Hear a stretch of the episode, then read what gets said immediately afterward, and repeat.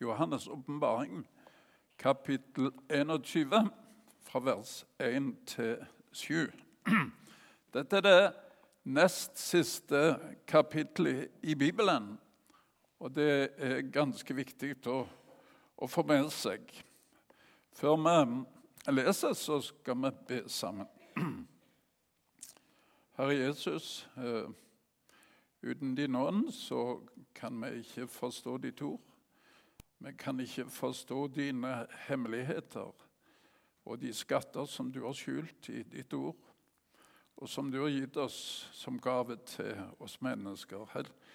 Hjelp oss nå, Herre, til å få åpne øyne, så vi kan få se det du vil si oss òg denne formiddag. For Jesu navns skyld. Amen. Og jeg så en ny himmel og en ny jord. For den første himmel og den første jord var veket bort, og havet er ikke mer. Og jeg så den hellige by, det nye Jerusalem, stige ned ut av himmelen fra Gud, gjort i stand som en brud som er prydet for sin brudgom. Fra tronen hørte jeg en høy røst som sa, Se, Guds bolig er hos menneskene. Han skal bo hos dem, og de skal være hans folk. Og Gud selv skal være hos dem og være deres Gud. Han skal tørke bort hver tåre fra deres øyne.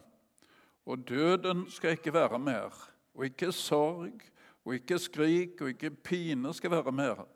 For de første ting er veket bort. Og han som satt på tronen, sa, Se, jeg gjør alle ting nye. Og han sier til meg, skriv, for disse ordene er troverdige og sanne. Så sa han til meg, det er skjedd, jeg er alfa og omega, begynnelsen og enden. Jeg vil gi den tørste å drikke livets vannkilde for intet. Den som seirer, skal arve alle ting. Jeg vil, jeg vil være hans Gud, og han skal være min sønn. De to siste kapitlene i Bibelen er ganske spesielle. Det er som en solskinnsmorgen der alt er fint og godt og lyst etter en kraftig uværsperiode med storm, uvær og katastrofer. Og Her står det faktisk at de første ting er veket bort. Denne boka her, Bibelen, begynner jo med Mosebøkene. Første Mosebok hører vi om Gud skapte. Skapte menneskene, skapte alt det som er rundt oss, planter og dyr. Og vi hører òg i kapittel 3 at mennesket gjorde opprør mot Gud. At det valgte å lytte til Satans løgner istedenfor til Gud. Og det hadde enorme konsekvenser.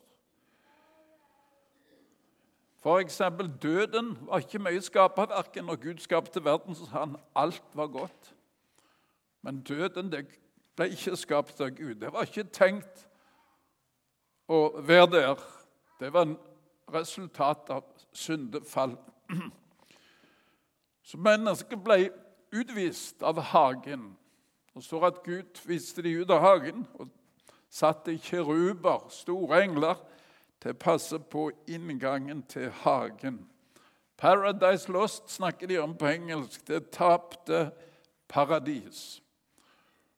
Og Det sies òg at alle mennesker har en lengsel i sitt hjerte etter det tapte paradis. En lengsel etter samværet med Gud.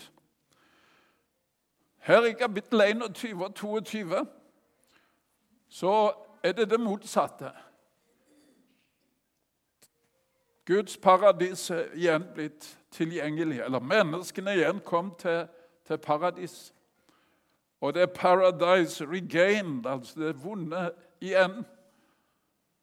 Og mellom disse permene i Bibelen så er historien om hvordan Gud ville vinne mennesket tilbake uten å ta fra det viljen til å velge sjøl.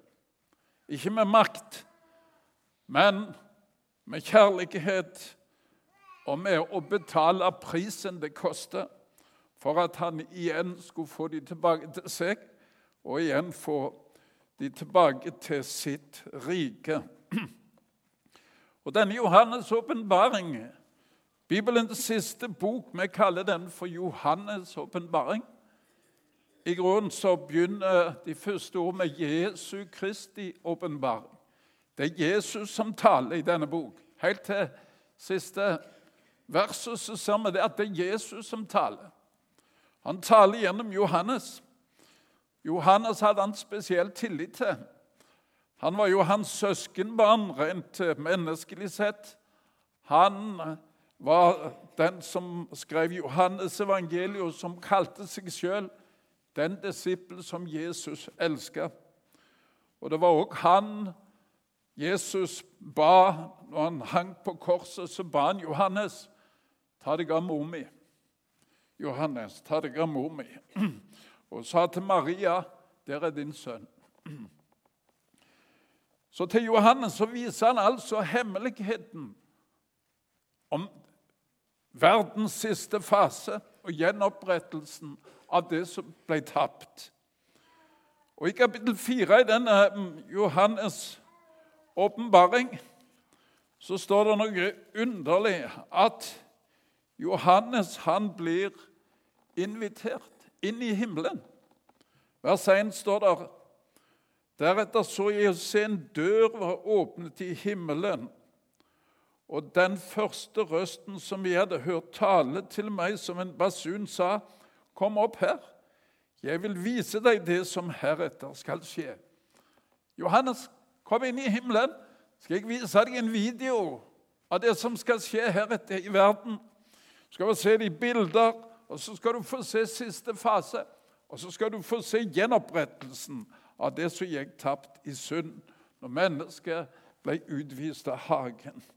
Så her sitter da Johannes i alle disse kapitlene og får se dramatiske ting. Mye vanskelig. Av og til faller han på kne og gråter, for ingen kan forklare han det som, som uh, skjer.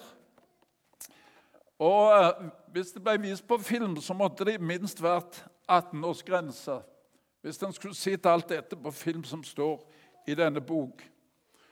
Så Når en da kommer fram til kapittel 20, kapittelet før det vi leste, der leser vi at Gud tar et endelig oppgjør med sine fiender, med menneskehetens fiender, med Satan og hans representanter på jord. Og så holder han dom over menneskeheten. Dom over menneskeslektene. Det står at han har ei bok kalt Livets bok. Og Så leser han i denne bok hvem som står der, som har sitt navn skrevet der. Og så er det to utganger på menneskenes skjebne. For vi mennesker vi har nemlig fått ei sjel i oss, enten vi tror eller ikke, som aldri kan dø. Og den sjelen skal eksistere i evighet. Den kan aldri dø. Og den må eksistere enten sammen med Gud i Hans rike, i det nye Jerusalem, eller borti fra Gud i mørket. Det er snakk om et innenfor og et utenfor. Og det er snakk om livets to utganger. Så her i kapittel 21 ser vi da den nye himmel og den nye jord. Det som Gud har beredt. Jesus sier, 'Jeg går bort og skal gjøre i stand en værestad for dere.' 'Jeg skal lage til en bolig for dere.' Og så kommer jeg igjen og vil ta dere til meg, sier Jesus i Johannes evangeliet. Og Her ser vi et bilde på det som Gud har beredt. Det nye Jerusalem. Stiger ned fra himmelen, gjort i stand som et brud, prydet for sin brudgom. En hellig by. Og bruden, det er de som i troen på Jesus dø i troen på Han og hadde bruk for Han. Hadde bruk for Hans tilgivelse og ikke gikk vekk fra sin dåpspakt eller kom tilbake til sin dåpspakt. I dag har vi sett William bli døpt. Gud strekk ut hånden og så sier han, vær så god. Her er mitt tilbud om syndenes forlatelse og evig liv. Og så er det opp til deg om du vil holde deg til denne pakt. Dessverre har mange gått bort og sier de ikke lenger er interessert eller kommer på avstand. Men Guds eh, tilbud står ved lag. Om det er noen her i dag som har gått bort fra sin dåpspakt, så er tilbudet der velkommen tilbake igjen. Døra, den er åpen. Bruden er den troende menighet, og brudgommen er Jesus sjøl. Han som betalte prisen. Han som betaler for festen. Betalt alt det det kosta for at mennesket igjen skulle få komme tilbake til sin opprinnelige tilstand og være sammen med Gud og bo sammen med Han.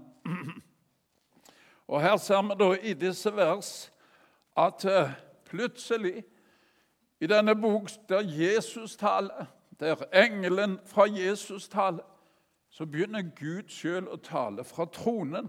Han som sitter på tronen, det er Far i himmelen. Han, En mann av få ord, for å si det sånn. Han lar Jesus og Den hellige ånd tale, men her taler han sjøl. Og så sier han, 'Se, Guds bolig er hos menneskene.' Han skal bo hos dem, og de skal være hans folk. Nå er syndens følger borte. Det som skilte oss fra Gud, det som gjorde at Adam og Eva vises De prøvde å skjule seg når Gud kom. Dette er tatt bort. Det er gjort opp for. Og vi mennesker kan igjen være sammen med Gud og møte Han ansikt til ansikt. De skal være hans folk, står det. Og han skal være hos dem og være deres Gud. Altså, vi kom tilbake til far, og det er ikke noe lenger som, som skiller. Og så sier han òg han skal tørke bort hver tåre av deres øyne. Alt dette som død, som synden har skapt, resultatet av menneskets opprør mot Gud, det er borte.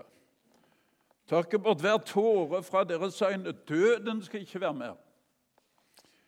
Ehm, ikke sorg.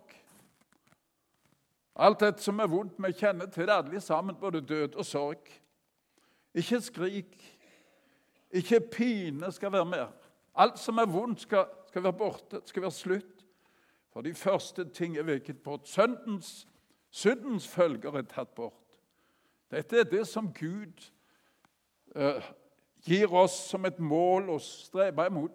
Du er velkommen til, til å komme inn i den familie som har dette som mål for livet, og som går inn i evighet med denne fantastiske eh, håp det er å se hva Gud har beredt for de som frykter ham.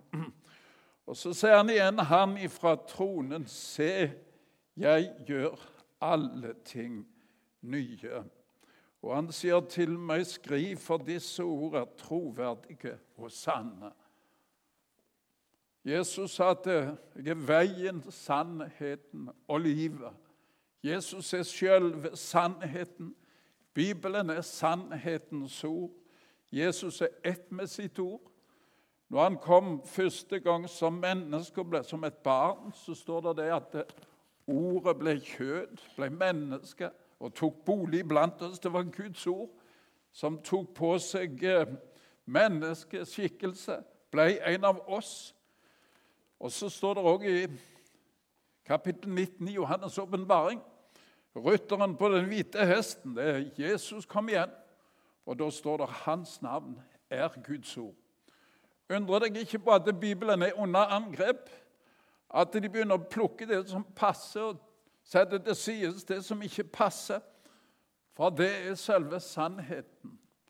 Det er ett med Jesus, det som står her. Og han garanterer for hvert ord.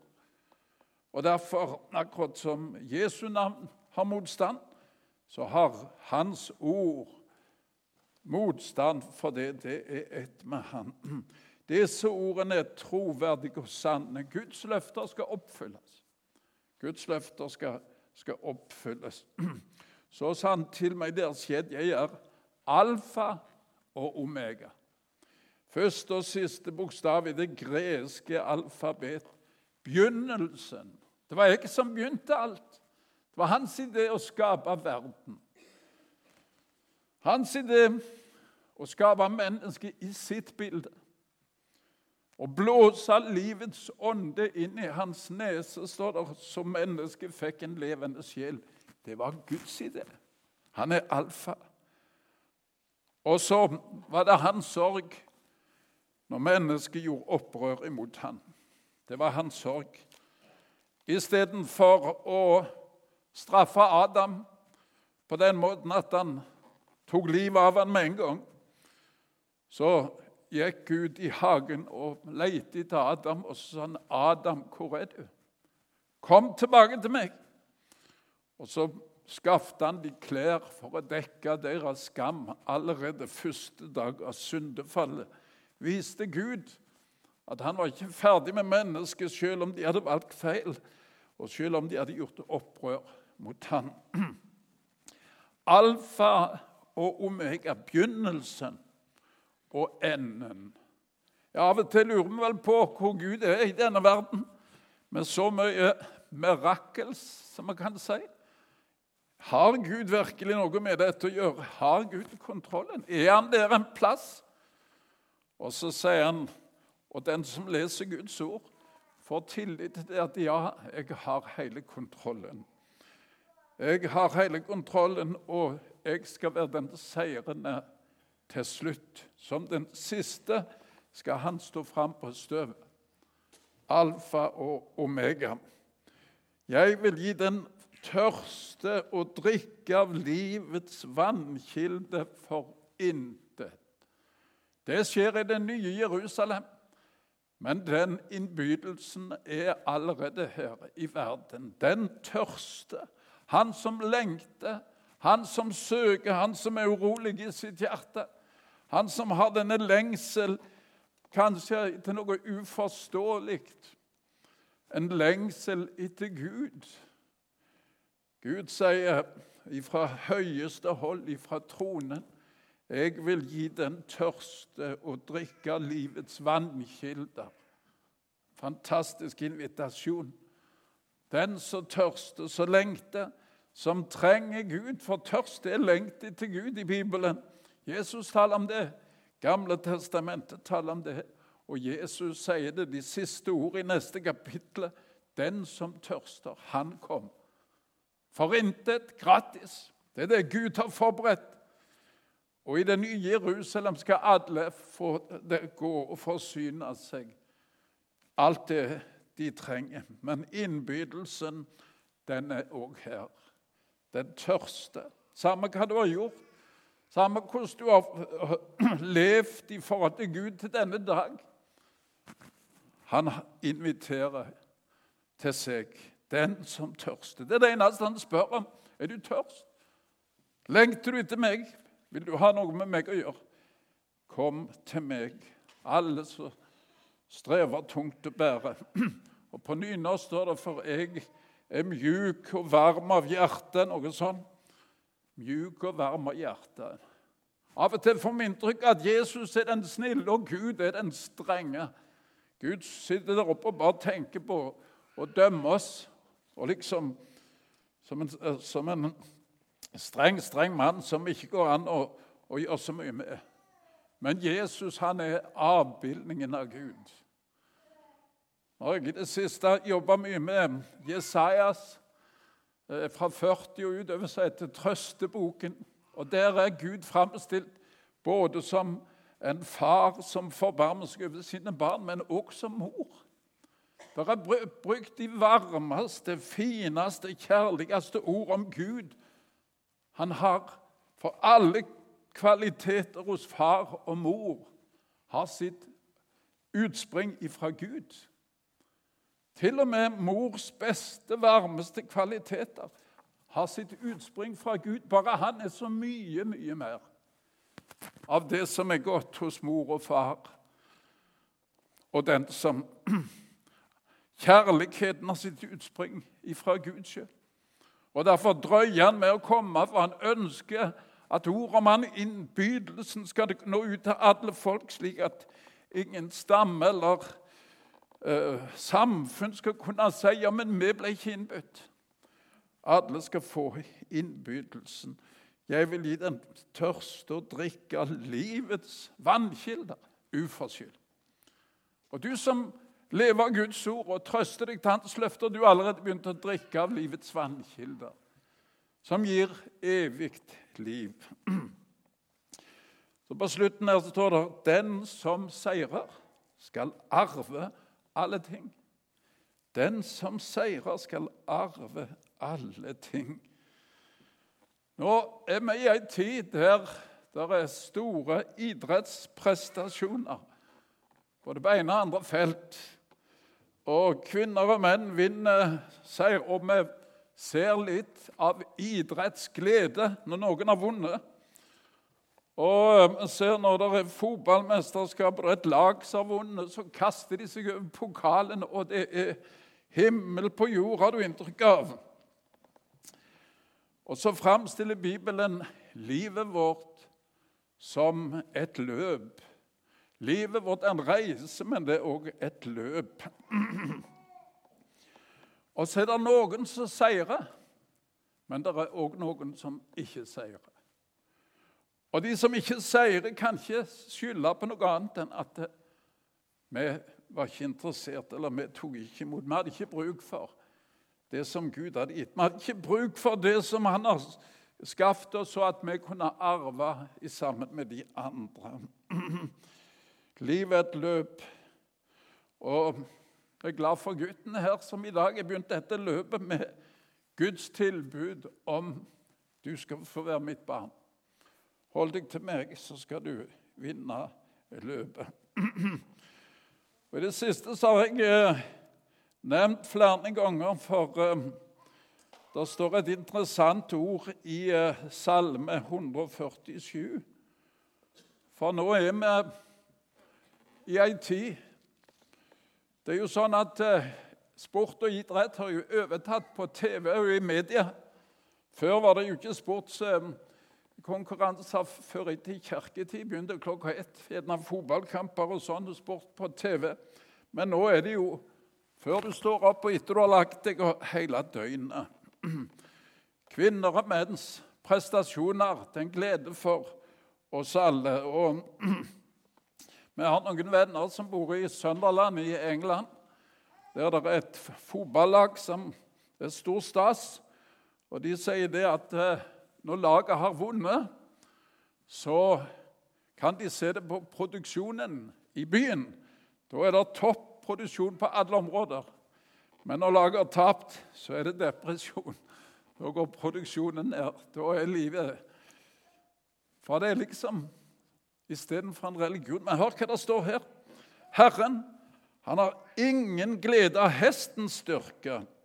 Han har ikke behag i mannens ben, står det. Altså Gud han er ikke så voldsomt eh, imponert av Ingebretsen og disse her skiløperne som er, som er. Han har gitt dem deres emner, og han er sikkert glad de blir brukt. Men lytt etter hvem Gud er begeistra for. Herren har behag i dem som frykter ham, som venter på hans miskunn. De er det Gud er begeistra for. De som søker ham, og som trenger hans nåde som søker han i bønn, og som ikke har noen annen vei til frelse at kjære Jesus, uten deg så er jeg ingenting. Som Peter sa, Herre, hvor skal vi vel gå hen? Du har det evige livsord. Så tenk deg når du sitter lørdag og søndag fra morgen til kveld og ser på menn og kvinners ben og alt de vinner. Det er ikke dette som Herren er mest begeistra for.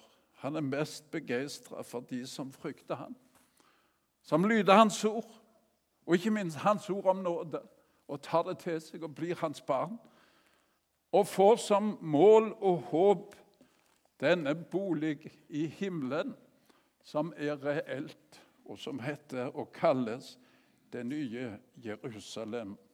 Amen.